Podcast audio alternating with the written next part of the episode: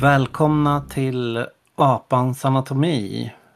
Det har just varit val i Sverige och när vi spelar in det här på onsdagen den eh, 14 september så har de slutliga valresultaten börjat ticka in. Och det kommer bli ett eh, regeringsskifte. Att vi kommer få en högerregering, oklart i vilken utformning. Jag tänkte göra ett lite annorlunda program den här gången. Ett litet runda bordsamtal där jag bjudit in några bra vänner som jag alltid ringer och frågar när jag, jag behöver tänka högt. Så med mig har jag Karin, Martin och Viktor. Ska ni säga någonting om, om er själva? Presentera er. Martin, vill du börja? Ja, visst kan jag det.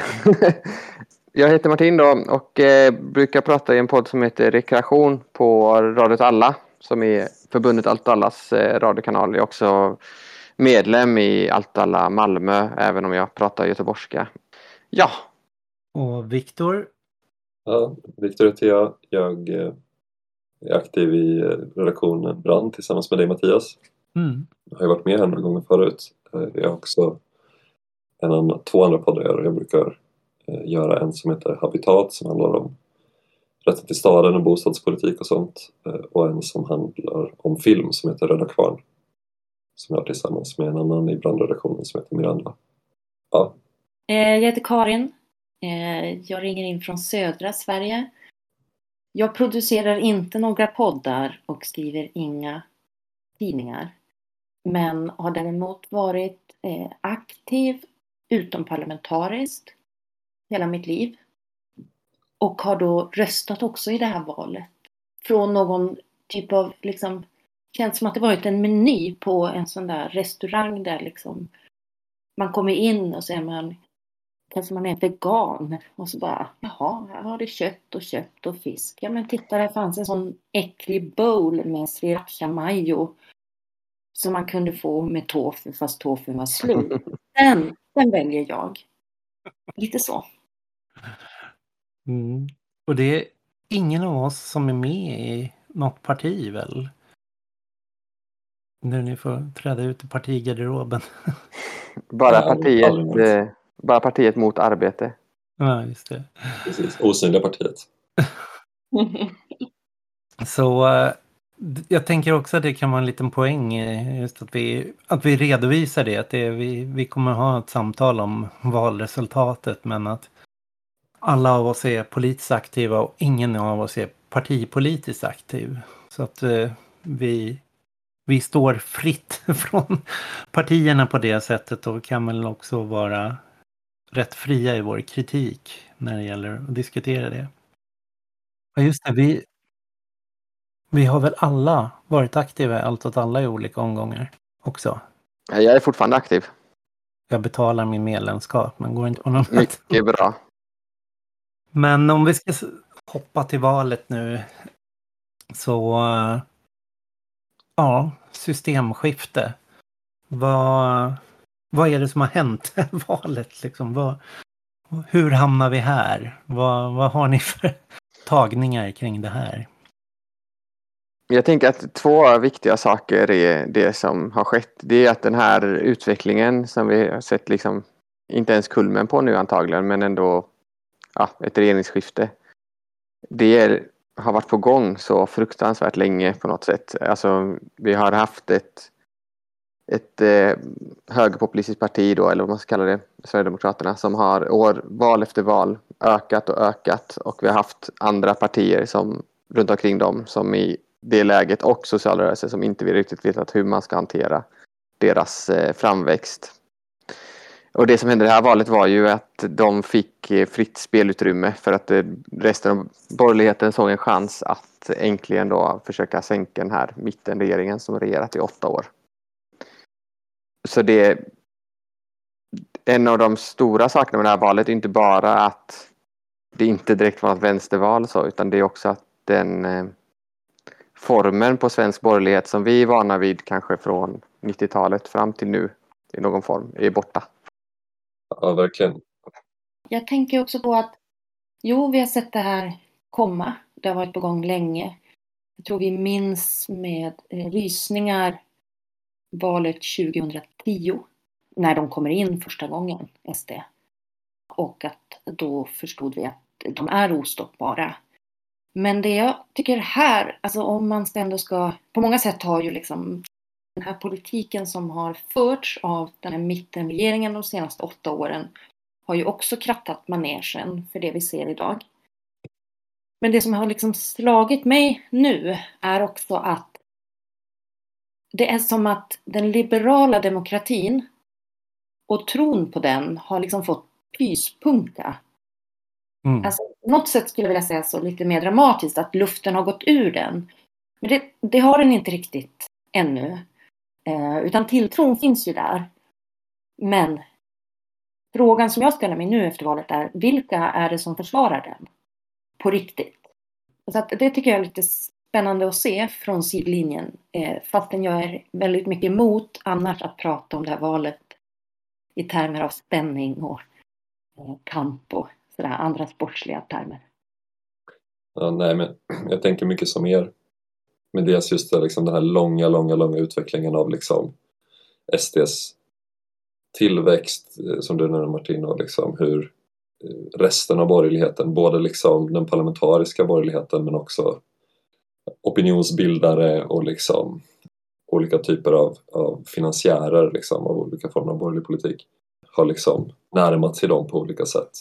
Eh, I synnerhet sedan de kom in i riksdagen 2010. Ju.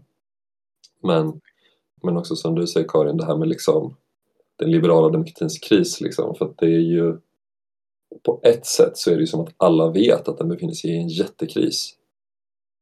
Inte bara i Sverige utan internationellt. Det tror jag att liksom, om man verkligen skulle prata med det, det är liksom väldigt få som inte skulle säga att, att den befinner sig i kris. Och det, är bara, det är bara att titta på alla länder. Liksom.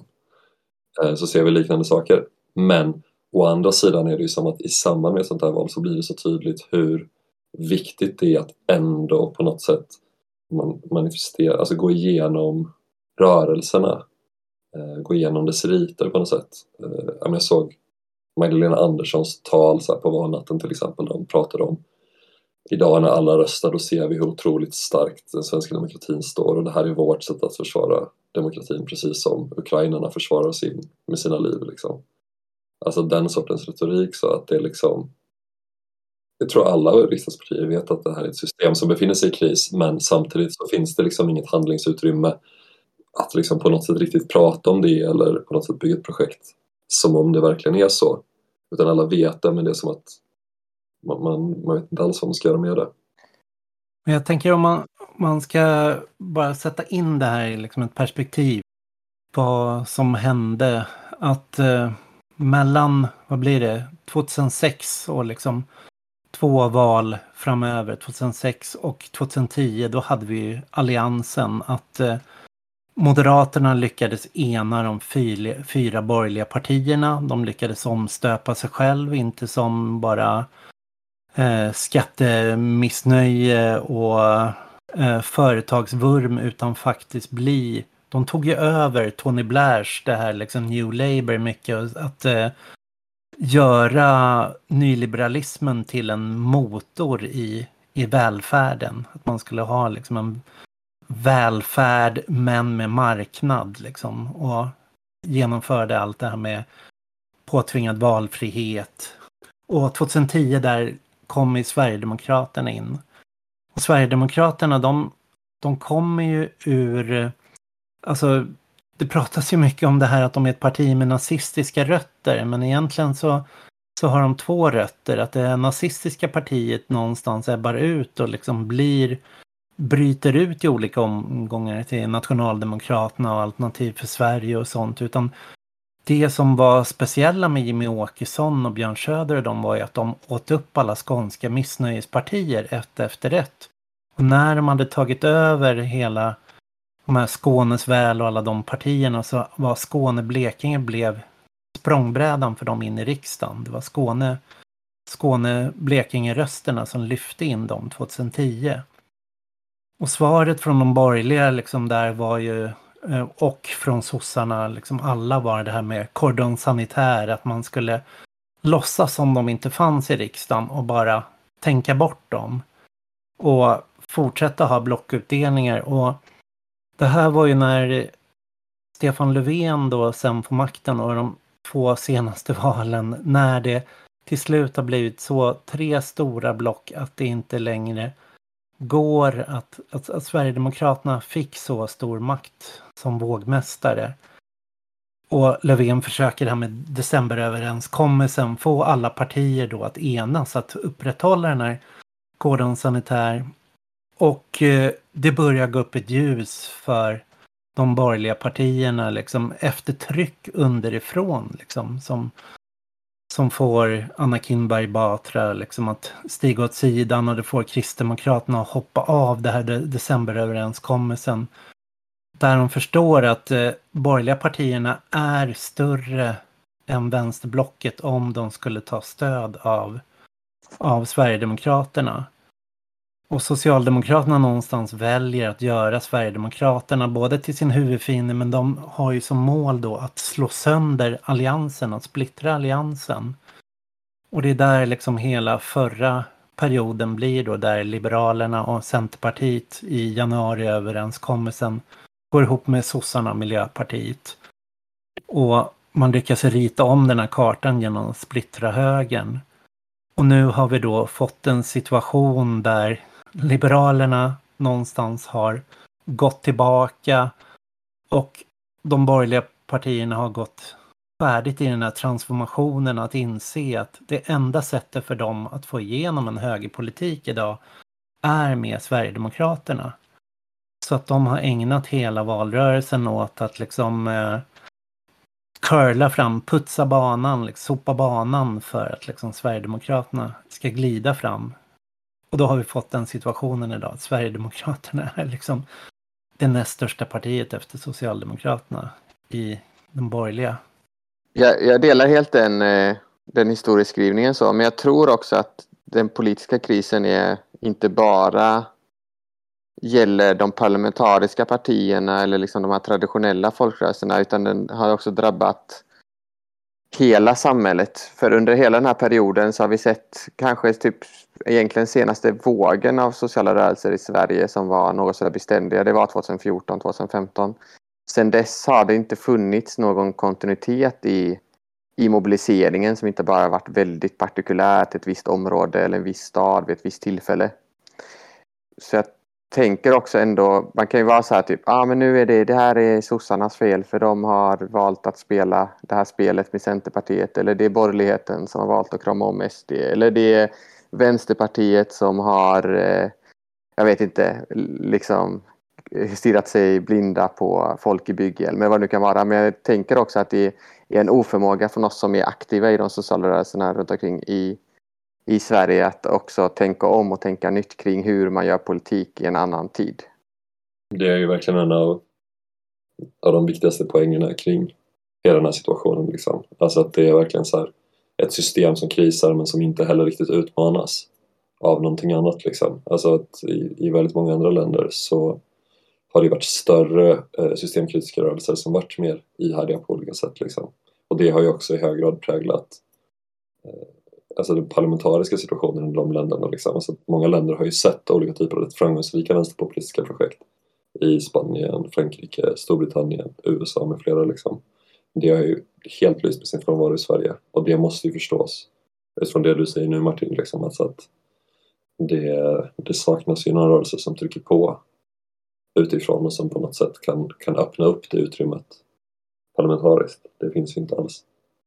Chantal Mouffe och Ernesto Cloud, de har ju skrivit om vänsterpopulismen och bygger det mycket på Gramsci där de tittar på det här att det uppstår vissa historiska block och ett historiskt block är liksom en, en konstellation av, av väljare som knyts ihop. Alltså olika väljar, väljargrupper eller klassegment som knyts ihop till ett block som kan ha makten under en period. Och eh, Laclau och Mouffe de, de pratar om det om att ungefär så här, efter 30 år så, så sker en, eh, liksom, en eh, brytning av olika skäl. Det kan vara ekonomiska skäl oftast, men det kan även vara av andra. Även geopolitiska kriser eller inhemska kriser som får väljargrupperingarna som har varit i en blockering att börja röra på sig. Så att du plötsligt från att ha väldigt trogna väljargrupper så börjar det sättas i rörelse. Och vi såg ju det efter eh, ekonomiska krisen 2008 så började de här väljargrupperna sättas i rörelse. Och eh, därefter uppstår det liksom den här brytningen som man skulle kunna kalla för ett populistiskt ögonblick eller en populistisk situation där det finns en möjlighet att bygga ihop en ny, en ny form av, av block genom att ta de här väljargrupperna och knyta upp dem till ett nytt projekt. Och det då är både liksom Corbyn, Sanders, Trump, Podemos, som alla har varit upptagna i liksom, femstjärnerörelsen i Italien. Att liksom fånga upp de här liksom, väljarsegmenten som har varit i rörelse. Så någonstans får man väl också förstå det här liksom, i, i Sverige, liksom, att det, från två stora block så har det här brutits upp. Och då ser vi oss alla partier. Jag tänkte att vi ska gå igenom parti efter parti för att liksom se lite vad, vad de, hur de har förändrats och hur deras eh, väljargrupper har, har förändrats och börjat, börjat röra på sig. Vad de har vilat på för bas och hur situationen är nu.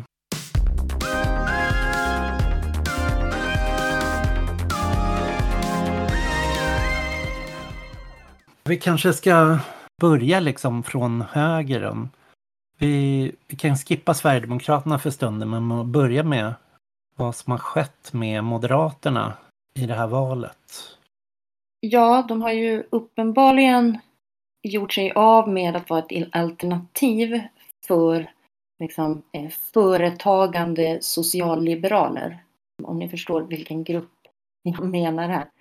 Ja. Men, jag får en bild i huvudet faktiskt direkt. ja, men just det liksom som ändå vill ha eh, och, och har eh, kanske mera gått tillbaka till någonting ursprungligt på något sätt. Alltså den mer konservativa moderata väljaren. Som vill ha kontroll på de fattigare klasserna i samhället. Som vill ha kontroll, kontrollera hur fattigare människors tillgång till det de själva har. Ja, som inte är liberaler på det sättet som om man tittar på Fredrik Reinfeldts eh, tid. Eh, och även det som då liksom fick Anna Kinberg Batra på fall. Velandet, hon var ju liksom ett steg för tidigt. Reinfeldt har blivit det största skällsordet för Moderaterna idag. Liksom. Ja men precis, tillsammans då med hans eh, talskrivare Moa Berglöf. Öppna era hjärtan, talskrivaren. Precis, liksom att eh, det är som att de, inte, de som liksom skäller på honom kan liksom nästan inte se eh, siffrorna eh, på det stöd som Moderaterna hade då. Det är ett skifte i Moderaterna, en förändring i Moderaternas eh, väljarbas. Det, det är ju samtidigt en återgång på något sätt. Alltså, mm. På ett sätt kan man ju tänka också på Reinfeldt-tiden och liksom 90-talsmoderaterna också för den delen, Sam Colby, som den verkliga anomalin. Liksom. Alltså om man tittar på Moderaternas historia fram till murens fall basically så är de ju det stora rasistpartiet i Sverige. Mm, precis. Så på ett sätt är det snarare en återgång till liksom Moderaternas klassiska politik efter att liksom den här korta så här historien slutepoken och liksom det nyliberala ögonblicket när det faller samman då, då är det back to the roots. Ja men precis, då man kunde se en moderat ledare åka eh, till Kosovo för FN som Carl Bildt gjorde. Egentligen liksom i ett historiskt perspektiv så är det ganska anmärkningsvärt. Eh, och fram, eh, inte för att jag skulle vilja skänka något ljus över den delen av Carl Bildts historia. Folkmördaren Carl Bildt. Ja, men precis. Men perspektiviserade lite grann. Liksom. Det skulle Ulf Kristersson eller någon moderatledare idag, oavsett eh, vad den personen har för namn och så, så skulle liksom den inte göra en sån sak. För att det är inte en sån tid vi lever i. Man får nog också ta med sig just i Moderaterna att eh, nya arbetarpartiet som de kallar sig från 2008 och för, eh, när vi var till 2014 var ju också eh, det första inbrottet i den socialdemokratiska väljarbasen. Alltså att det var första valet där man fick arbetare helt enkelt att börja rösta på Moderaterna i större utsträckning. Och det jag tycker är intressanta är att se också, för det är uppenbarligen en kalkylerad risk som Moderaterna har tagit här, att droppa innerstan i Stockholm för att eh, gå i säng med Sverigedemokraterna. Men frågan är om de kan vid senare val få tillbaka de väljargrupperna eller om de är förlorade till något annat politiskt projekt. För det intressanta är också att de borgerliga väljarna har inte gått till Centerpartiet som man skulle tänka sig, som det verkar just nu i alla fall, utan snarare till Socialdemokraterna. Frågan är om det var arbetarväljarna som de verkligen tog, utan att det var ju snarare om socialdemokratin klassiskt byggde på en allians mellan att knyta till sig medelklassen i folkhemsprojektet. Att säga att vi ska ha allmänna försäkringar som inte bara gynnar arbetarklassen utan även gynnar medelklassen med, med liksom fri sjukvård och allt sånt. Så att man skapade ett stort stöd och byggde en allians där. Så det alliansen gjorde var ju att försöka slita loss den här medelklassen just med fria skolvalet, vårdval, liksom allting sånt. Det är där de var framgångsrika. Så var det absolut, men om man, eh, nu är inte jag Sören Holmberg va, eller Holmgren vad han heter, i Göteborg där som på med valforskning, men om man tittar på just på när liksom, Sverigedemokraterna gör stora inbrytningar i LO-kollektivet så är de första de gör det är ju att ta de borgerliga väljarna, alltså de som börjar rösta på Moderaterna. Mm. Ja, under nya Moderaterna-perioden. För att bli en SD-väljare i början så gick man via Moderaterna helt enkelt. Och det är intressant, det finns ju mer att säga om det, men eh, det är ju intressant att tänka just vilka skikt av arbetarklassen det är. Det kan mm. vi prata mer om sen när vi pratar om Vänsterpartiet, tänker jag kanske. Och sen tänker jag också när det gäller Moderaterna att den eh, delen av näringslivet och egna företagarna som de också har vilat på, där har ju Sverigedemokraterna gjort lika stor inbrytning som i LO-kollektivet. Att de har tagit över liksom hälften av kärnväljarna där. Så att det är, det är väldigt mycket, liksom har varit mycket diskussion hela tiden om hur inbrottet i liksom arbetarkollektivet, men den här inbrottet i liksom eh, företagarklassen har ju faktiskt varit lika omfattande. Liksom, och man kan nog inte förstå Moderaternas kursändring ja, om man inte tar hänsyn till den också. Mm. Jag tänker att ut vid sidan av liksom småföretagarna, liksom, eller små och medelföretagarna som, som väljarkår så är en annan fråga var storkapitalet står i det här på något sätt, liksom, som i slutändan är de som finansierar den politiska högern i stor utsträckning, liksom, både med Stiftelsen Fritt Näringsliv och så vidare, men, men också bara direkta bidrag till, till partierna, men också all opinionsbildning via pressen och sånt. Och det var ju på många sätt de de har ju varit splittrade delvis kring det här med SD.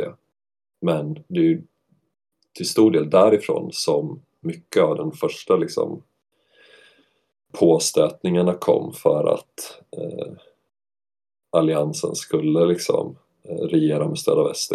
Så här, alltså den stenhårda kritiken, den hårdaste kritiken av decemberöverenskommelsen 2014 kommer ju från Dagens Industris ledarsida exempelvis med PM Nilsson som är fortfarande en av de stora rösterna för den linjen liksom. Och det är ju det är ju en del av högern som är väldigt nära knuten till liksom, ja, men Wallenbergsfären och, och verkligen liksom det stora eh, industrikapitalet i Sverige. Liksom. Och jag tänker att man ska också tänka att den vändningen kom ju dels efter att de kom in i riksdagen och blev mer en maktspelare, Sverigedemokraterna, men den kom ju också efter att eh, Sverigedemokraterna svängde i ett gäng centrala politiska frågor, i synnerhet frågan om vinster i välfärden.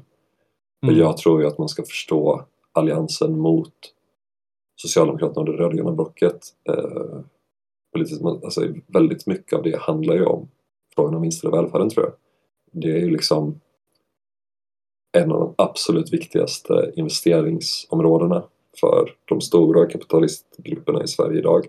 Vare sig du tittar på Wallenberg, eh, Axel Jonsson, eh, Gardell, alla de här liksom stora spelarna har ju mm. svin mycket pengar investerade i vinster eh, i skolan och vinster i eh, vården för skattepengar. Och en av de första så tongivande i Liberalerna som, sväng, som var ute med att ja, men vi borde samarbeta med Sverigedemokraterna.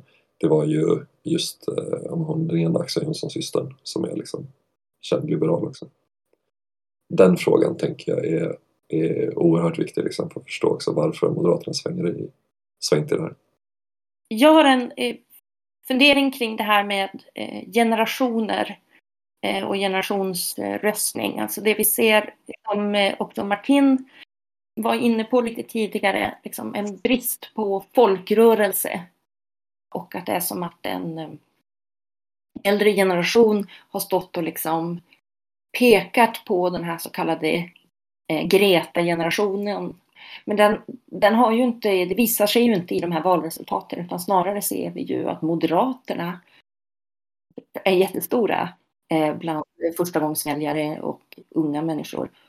Och då tänker jag på eh, detta med, liksom med att se marknadsmöjligheter i en tid när eh, Eh, man växer upp liksom i en hyperindividualiserad tid eh, där allting är konkurrensutsatt.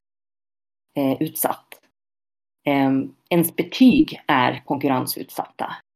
Och man ser också att det finns människor som tjänar pengar på eh, ens, ens betyg, ens eh, vad det än är. Liksom. Man blir liksom en kund i ett samhälle och man förstår att på andra sidan finns någon som får mina pengar som kund. Den vill jag också vara. Eh, och jag, jag, tycker inte om att liksom prata om eh, det här med val eh, och liksom partipolitisk tillhörighet eller icke-tillhörighet utifrån liksom, psykologiska förklaringar. Men eh, jag blir alltid lika upprörd när jag hör Göran Greider prata om att SD-väljare det är män som känner sig som förlorare. Och att jag liksom studsar upp på tårna och vill lite grann skrika att nej, det gör de inte alls det. De känner sig som vinnare. Och de känner sig framförallt som potentiella vinnare. Ehm, och där tror jag också att man hittar många av, liksom, en del av förklaringen till ungdomars, eh, eh, eller unga, framförallt mäns, fäbless för Moderaterna. Ja, jättebra, jag tycker det var en jättebra synpunkt eh, Karin. För jag också faktiskt för det, ja, det, det, är jätteintressant på många, så många sätt eftersom en sån tydlig förklaringsmodell, vi pratade om det lite innan vi började spela in, har ju varit liksom vad händer med, med ungdomar på internet? Vad gör de egentligen på TikTok och Youtube? Eh, men det är klart att det är så att Precis, svarta handen eller den osynliga handen eller vad tusan, jag vet inte. Det är det mörka Precis. rummet. Liksom. Ah, exakt, men att eh, det är verkligen så att man har att man har en generation som är eh, liksom eh, helt, eh, vad ska man säga, eh, formad av ett samhälle där det här entrepreneur of himself som Foucault pratar om till exempel har blivit ett sånt centralt begrepp. Och det är inte ens att man behöver liksom diskursivt analysera saker för att, för att se det utan det är mer att det är liksom ett uttalat Alltså entreprenörskapet, idén om entreprenörskapet, idén om den individuella lyckan, idén om, om att vem som helst kan bli miljardär bara man gör rätt saker. Det är så befäst i den generationen på något sätt.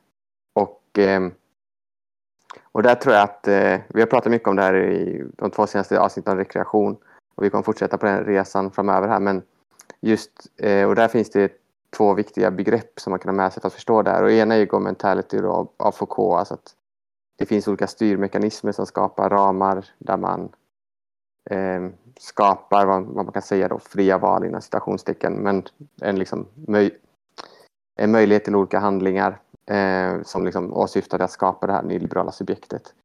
Och där har vi ju så många exempel också i, i den politiken som regeringen Reinfeldt förde och sen som de andra regeringarna efter dem har förvaltat.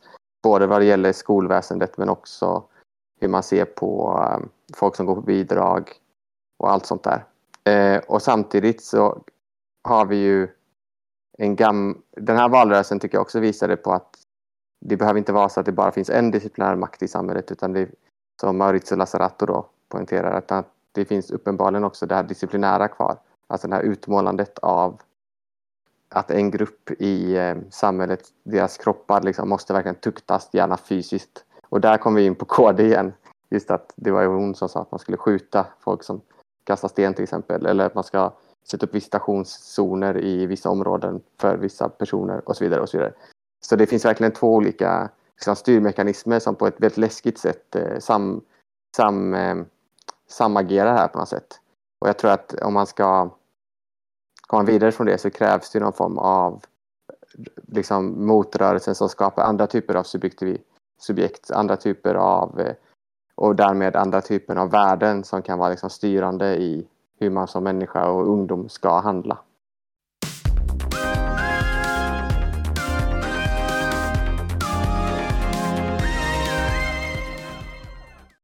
Är det någon som har något mer att säga om eh, Moderaterna eller Ungmoderaterna eller ska vi gå vidare till Kristdemokraterna?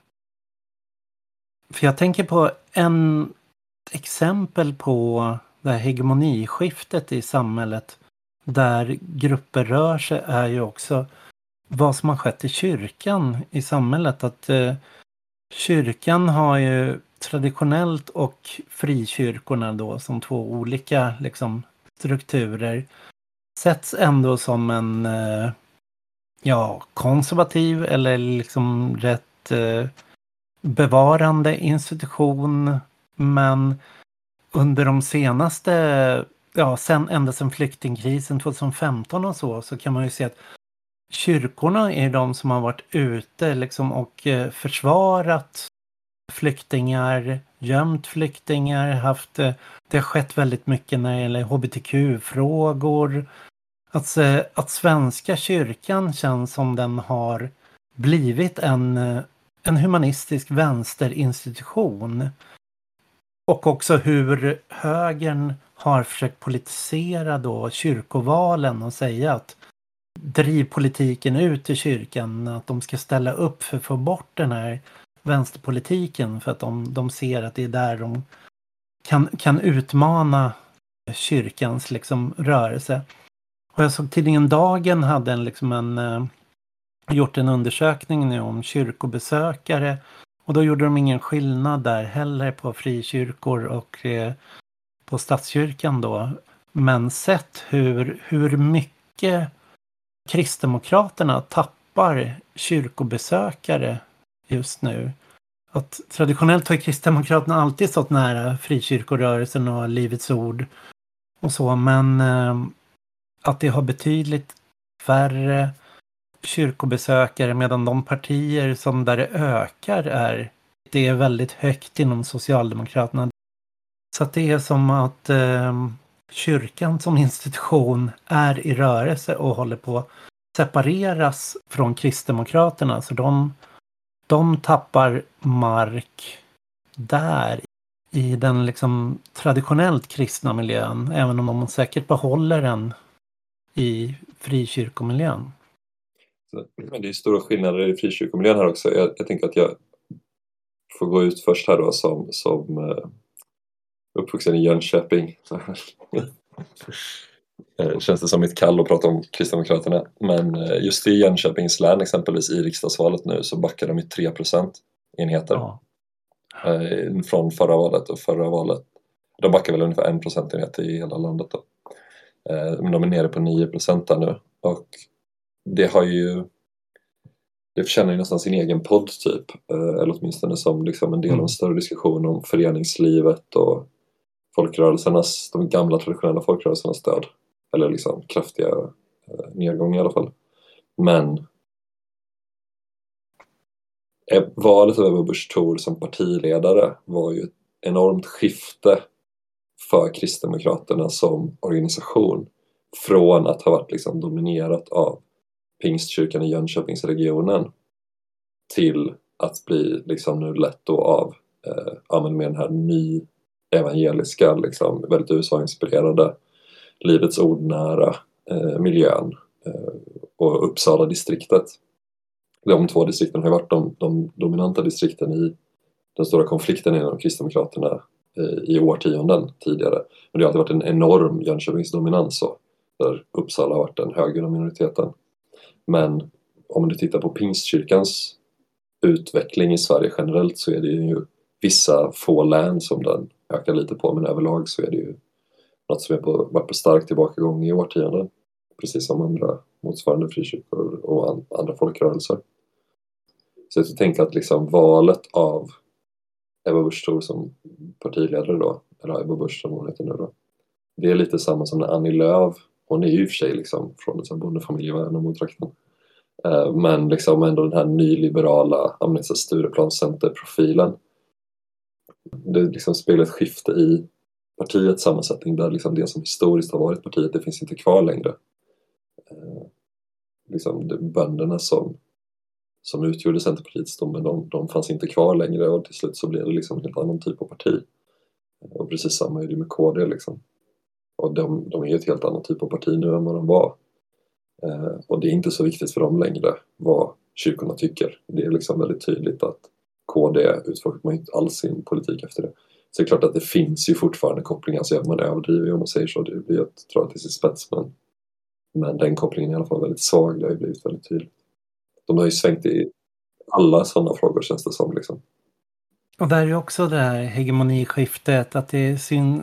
Jag tycker de senaste två mandatperioderna så har det ju varit eh, varje parti har varit splittrat och haft en intern gräl mellan två olika falanger.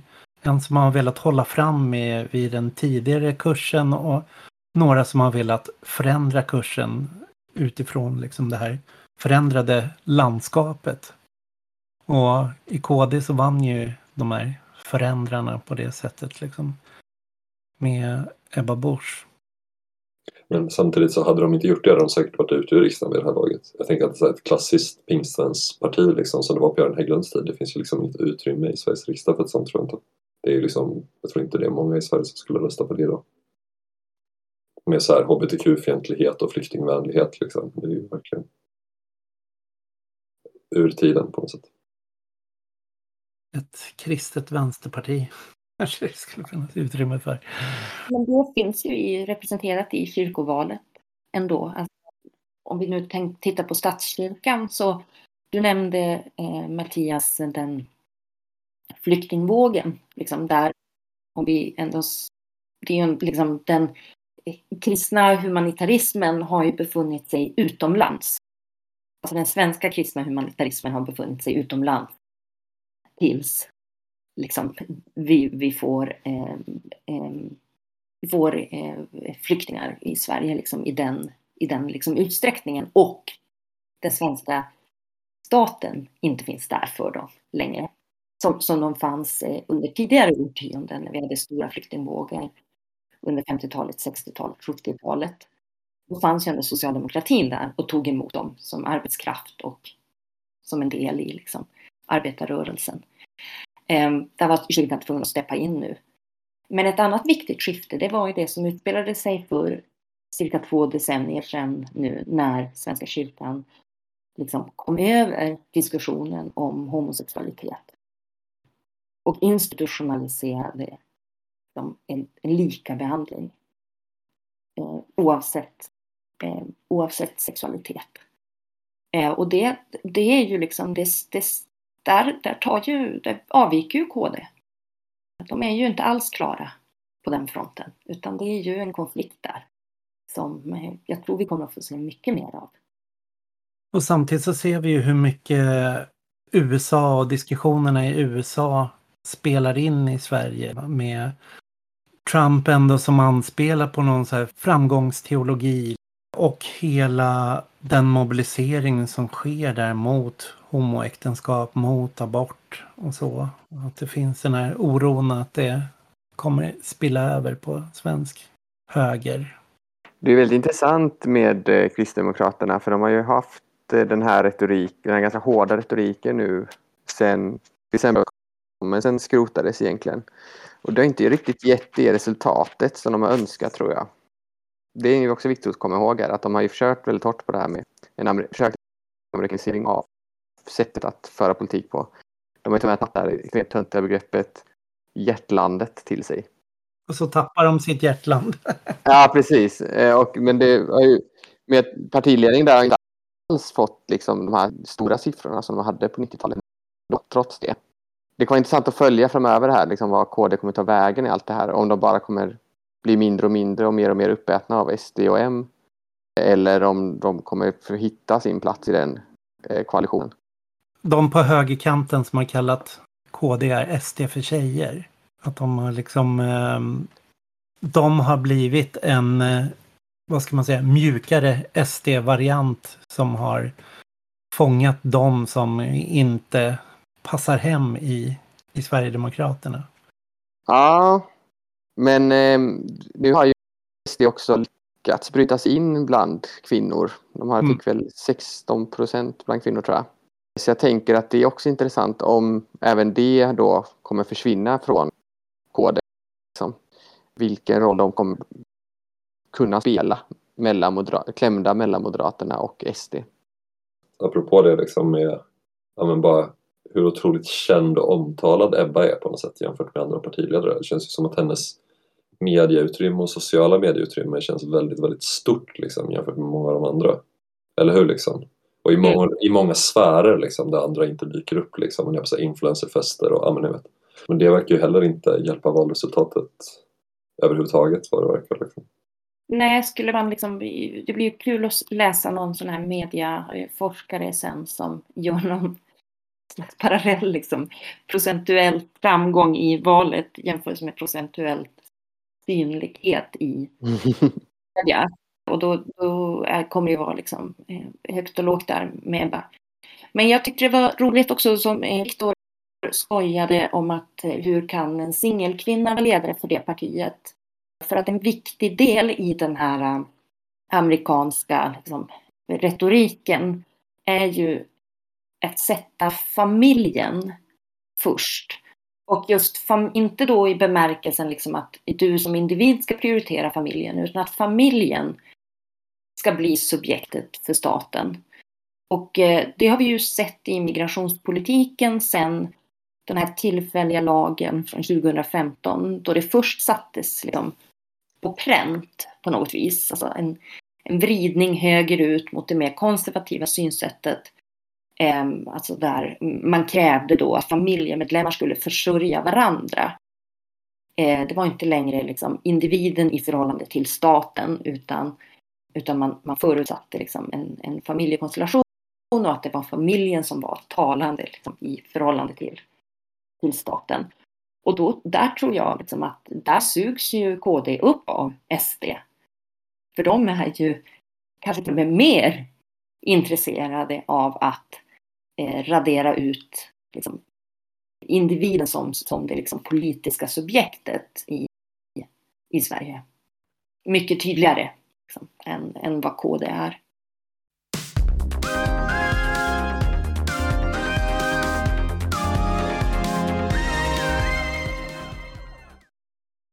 Om vi går över till Liberalerna då, och de tror jag nästan vi kan hålla oss kortast när det gäller alla partier och, och prata om.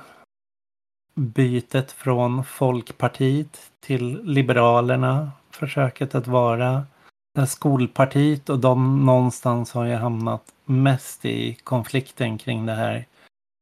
Vad ska man säga, hela tankesmedjan Balans, skoltwitter, alla läraruppror som har riktats mot eh, det som sker inom skolan, vinstuttagen, friskolorna, friskolornas etablering, liksom vart kommunala skolpengen hamnar någonstans.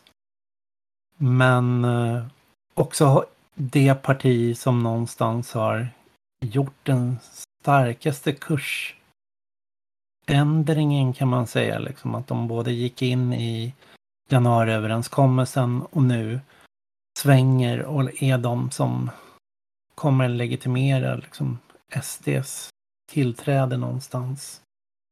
De är gatekeepern för SD just nu i den borgerliga regeringen. Och där var ju så tydligt också att eh, företagsledarna har ju så tydliga lobbyintressen liksom. Hur Saboni pushades in liksom av lobbyister på partiledarposten liksom fast hon inte egentligen hade stort partistöd och sen med rasande siffror kickades liksom för en skitsak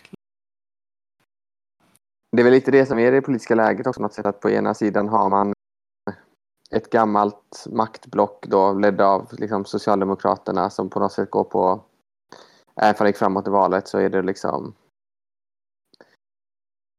enbart på något sätt att hantera makt. Liksom. Och på andra sidan har man verkligen en ganska en grupp människor som har väldigt nära, väldigt, väldigt nära band till eh, inte bara lobbygrupper utan direkta ekonomiska intressen i, eh, i, i olika företag som lever på välfärd, välfärdspengar och skattepengar. I Stockholm finns det ju extremt många exempel på det men också att det finns liksom i Ulf Kristerssons närmaste familj finns det olika typer av, av relationer till eh, skolföretag.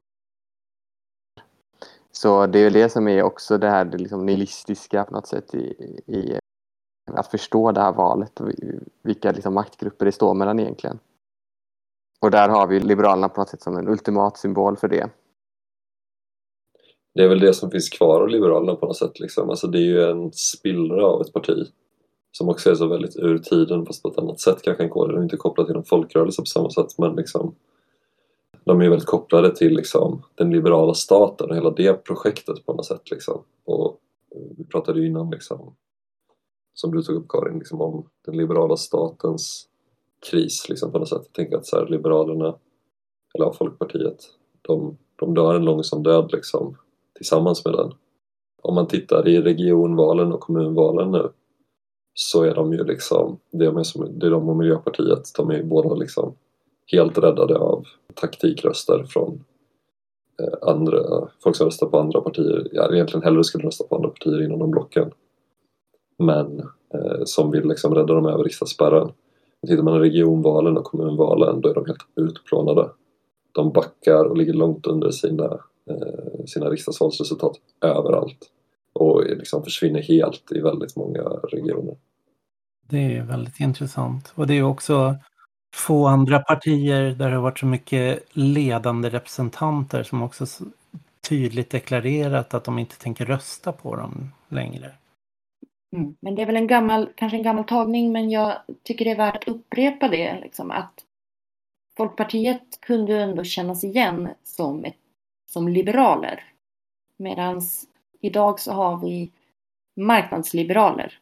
Men eh, liksom liberala kärnvärden är ju verkligen inte ett skäl att rösta på Liberalerna. Inte för gamla folkpartister som, som jag tänker det var på 90-talet liksom, efter murens fall. Um, och så. Um, att då, då, var ju, det var ju typiskt lärare liksom, att vara folkpartister. Det, det ser vi väl inte idag. Nej, kolla Dagens Nyheters ledarsida och dess relation till Liberalerna idag. Liksom. Alltså det är ju... Mm. Och Centerpartiet, om vi hoppar över till det, som också är ett folkrörelseparti som har varit landsbygdens parti. Historiskt så har det ju också varit ett parti mot storstaden, varit mer det här decentraliserade partiet. Att det är en av anledningarna till att vi inte fick en eh, skatte eller missnöjespopulism på 70-talet i Sverige jämfört med de andra nordiska länderna var ju att någonstans att Centerpartiet fortfarande var ett eh, oprövat kort som lyckades kanalisera de här populistiska rösterna då. Och um, nu när vi ser Centerpartiet som en eh, mittenparti, centristiskt parti, gör katastrofval och samma utradering sker där på landsbygden i deras orter där de har varit starka. De, eh, bland annat i Jämtland håller de ju på att raderas ut helt i regionerna och flera städer och så ser det ut i stora delar av liksom norra Sverige också. Att vissa fall har ju, är det Sverigedemokraterna, i andra fall är det Socialdemokraterna som äter upp deras väljare. Det är i väldigt många fall kommuner som också sett en väldigt ändrad demografisk sammansättning och framförallt en ändrad klassammansättning under de senaste årtiondena. Om man tänker liksom de strukturerna som var upp Centerpartiet, det var ju kopplat till ja, Lantbrukarnas riksförbund och liksom all den infrastruktur och de olika institutioner som fanns där omkring liksom. Eh, och som bars upp av liksom bondeklassen egentligen mycket liksom och människor liksom nära bondeklassen på olika sätt. Eller kopplade till den på olika sätt. Det där finns ju inte kvar liksom. Det är ju under 2% av Sveriges befolkning som eh, eller av, av arbetskraften i alla fall liksom, som är i livsmedelsproduktionen. Och väldigt många av dem är ju absolut inte liksom bönder eller liksom skulle kunna rösta på Centerpartiet.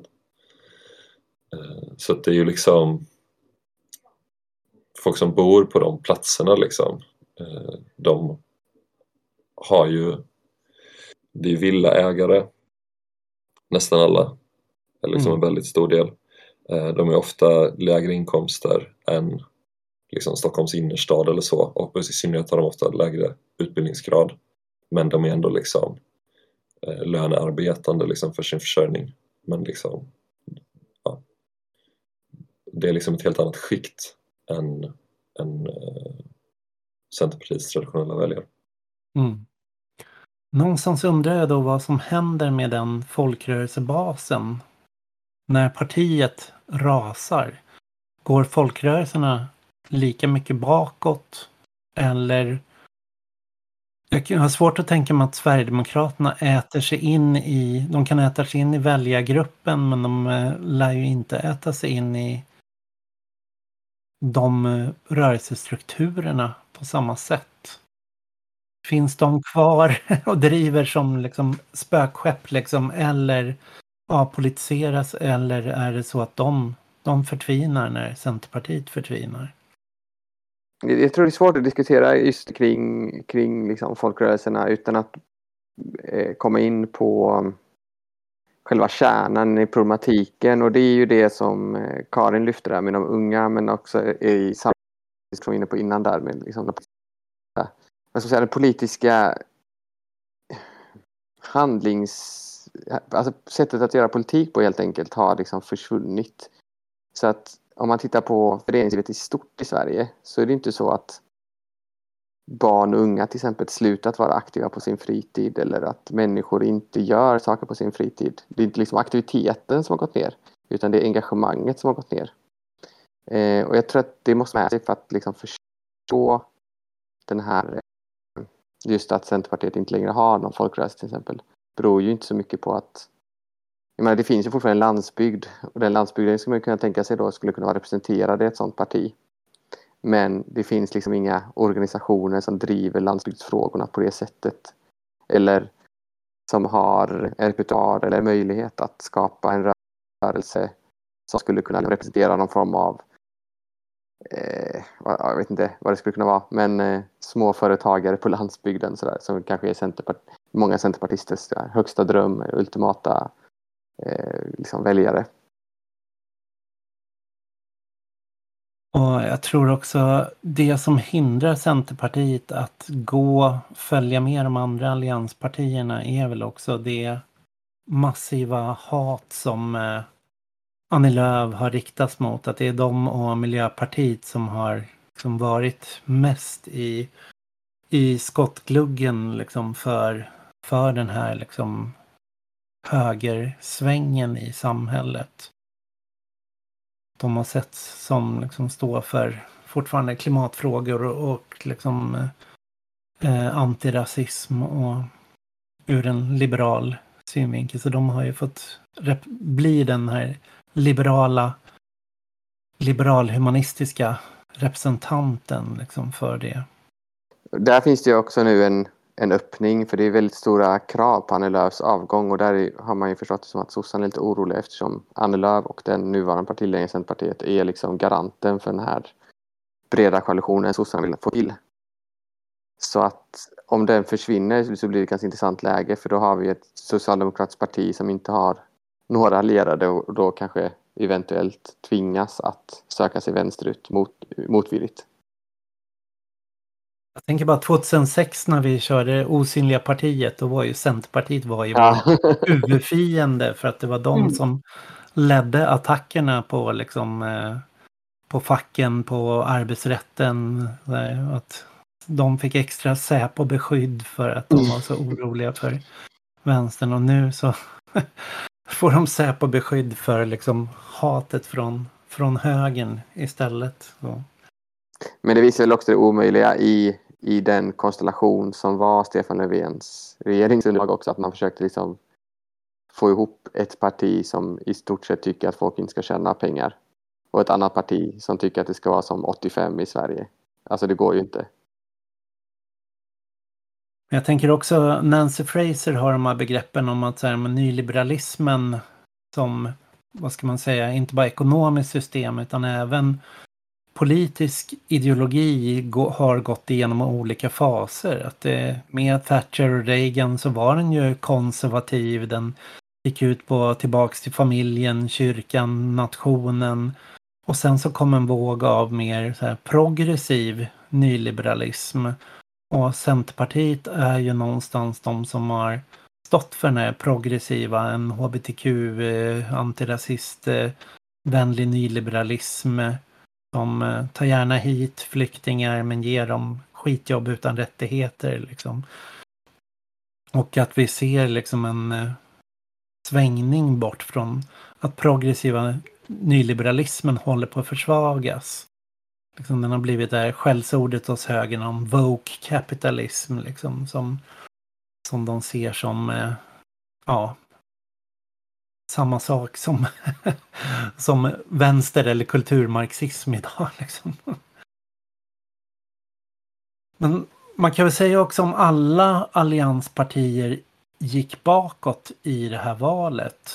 Att alla backade och um, Eh, de tre som gick in och stöttade Sverigedemokraterna har ju någonstans försvagat sina positioner oerhört mycket liksom inför i och med att Sverigedemokraterna blev det var inte bara så att de förstod att Sverigedemokraterna behö, att de behövde deras stöd för att kunna bedriva liksom en eh, högerekonomisk politik utan till slut i valrörelsen blev ju Sverigedemokraterna blev ju lokomotivet för hela valkampanjen.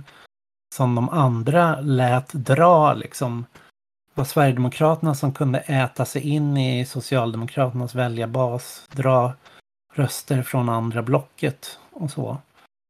Men jag såg också någon beskrivning att i de regioner och de kommuner där gamla allianspartierna eh, sökte eh, regera med sossarna eller med Miljöpartiet och liksom motverkade Sverigedemokraterna. Som till exempel i Stockholm så har också Sverigedemokraternas valframgångar blivit som svagast.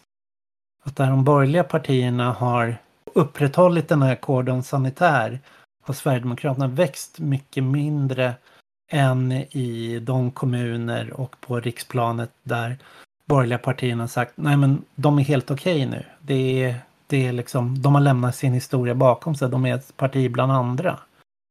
Så de har ju betytt väldigt mycket för SDs framgång också på det sättet. Eller SDs bakom. Och där kan man ju titta på små kommuner i Skåne eh, och se det eh, återspegla sig. Liksom. Ehm, man kan jämföra en, en relativt stor kommun som Eslöv som var den kommunen där som var först i landet med liksom en socialdemokratisk moderat koalition för att hålla SD borta ehm, och så jämför man det med liksom, eh, Sjöbo eller Skurup eller eh, så där, där ehm, SD har eh, fått hjälp av Moderaterna istället. Eh, och där fortsätter de ju vara stora och starka. Mm. Men jag tycker också att det Mm. Det, när vi går igenom de här borgerliga partierna så finns det också en poäng att, att det, det, har lite, det har väl också varit ett, fel, ett felslut från, från vänstern tidigare att inte se de borgerliga partierna som har, att de har en egen aktörskap på något sätt utan man vill ofta liksom klämma ihop dem till ett gäng onda personer som någonting. Men det finns ju väldigt, liksom, mycket, många, många motsättningar har ju blottat sig. Till exempel har vi ju det här Lommas starke man som är moderat som är, har uttalat sig extremt negativt till eh, att välfärden ska vara privat egentligen och återkommunaliserat mycket av, av den liksom, verksamheten som innan var ute på entreprenad. Och där, har, där är Moderaterna liksom absolut största parti. Men sossarna har lyft på, på riksdagsnivån och han fick en i, i, det, i den kommunen. Och han fick den frågan liksom, om han trodde att det var hans fel. Han bara, ah, jo det kan nog vara mitt fel men det är också mest Moderaternas fel. Så jag menar, det finns... Eh, jag tror det är, väldigt, det är väldigt bra att vi går igenom partierna på det här sättet för man måste nog också förstå dem som, som på något sätt eh, politiska aktörer som har väldigt mycket olika viljor och många, många in, eh, interna viljor som står mot varandra. Men skillnaden också på den kommunala och eh, riksnivån vad gäller vilka kan man se som möjliga samarbetspartners har ju blivit mm.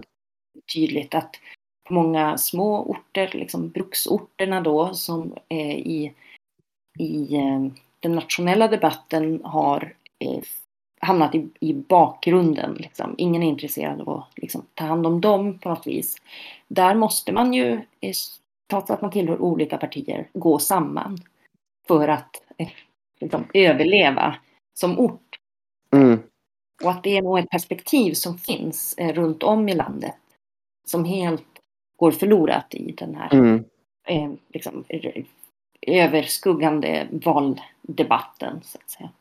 Precis, men det, det ja, det, ja, absolut. Och ja, eh, men också, det är väl det som också gör det här valet Eh, så speciellt för alla, alla partierna är så liksom eh, Inga partier driv, förutom SD som driver en sån postmodern idé om hur Sverige var en gång och så ska Sverige bli igen, så driver ju inget parti egentligen någon vision om. Alltså, det var inga politiska idéer om vad Sverige ska vara om 20 år.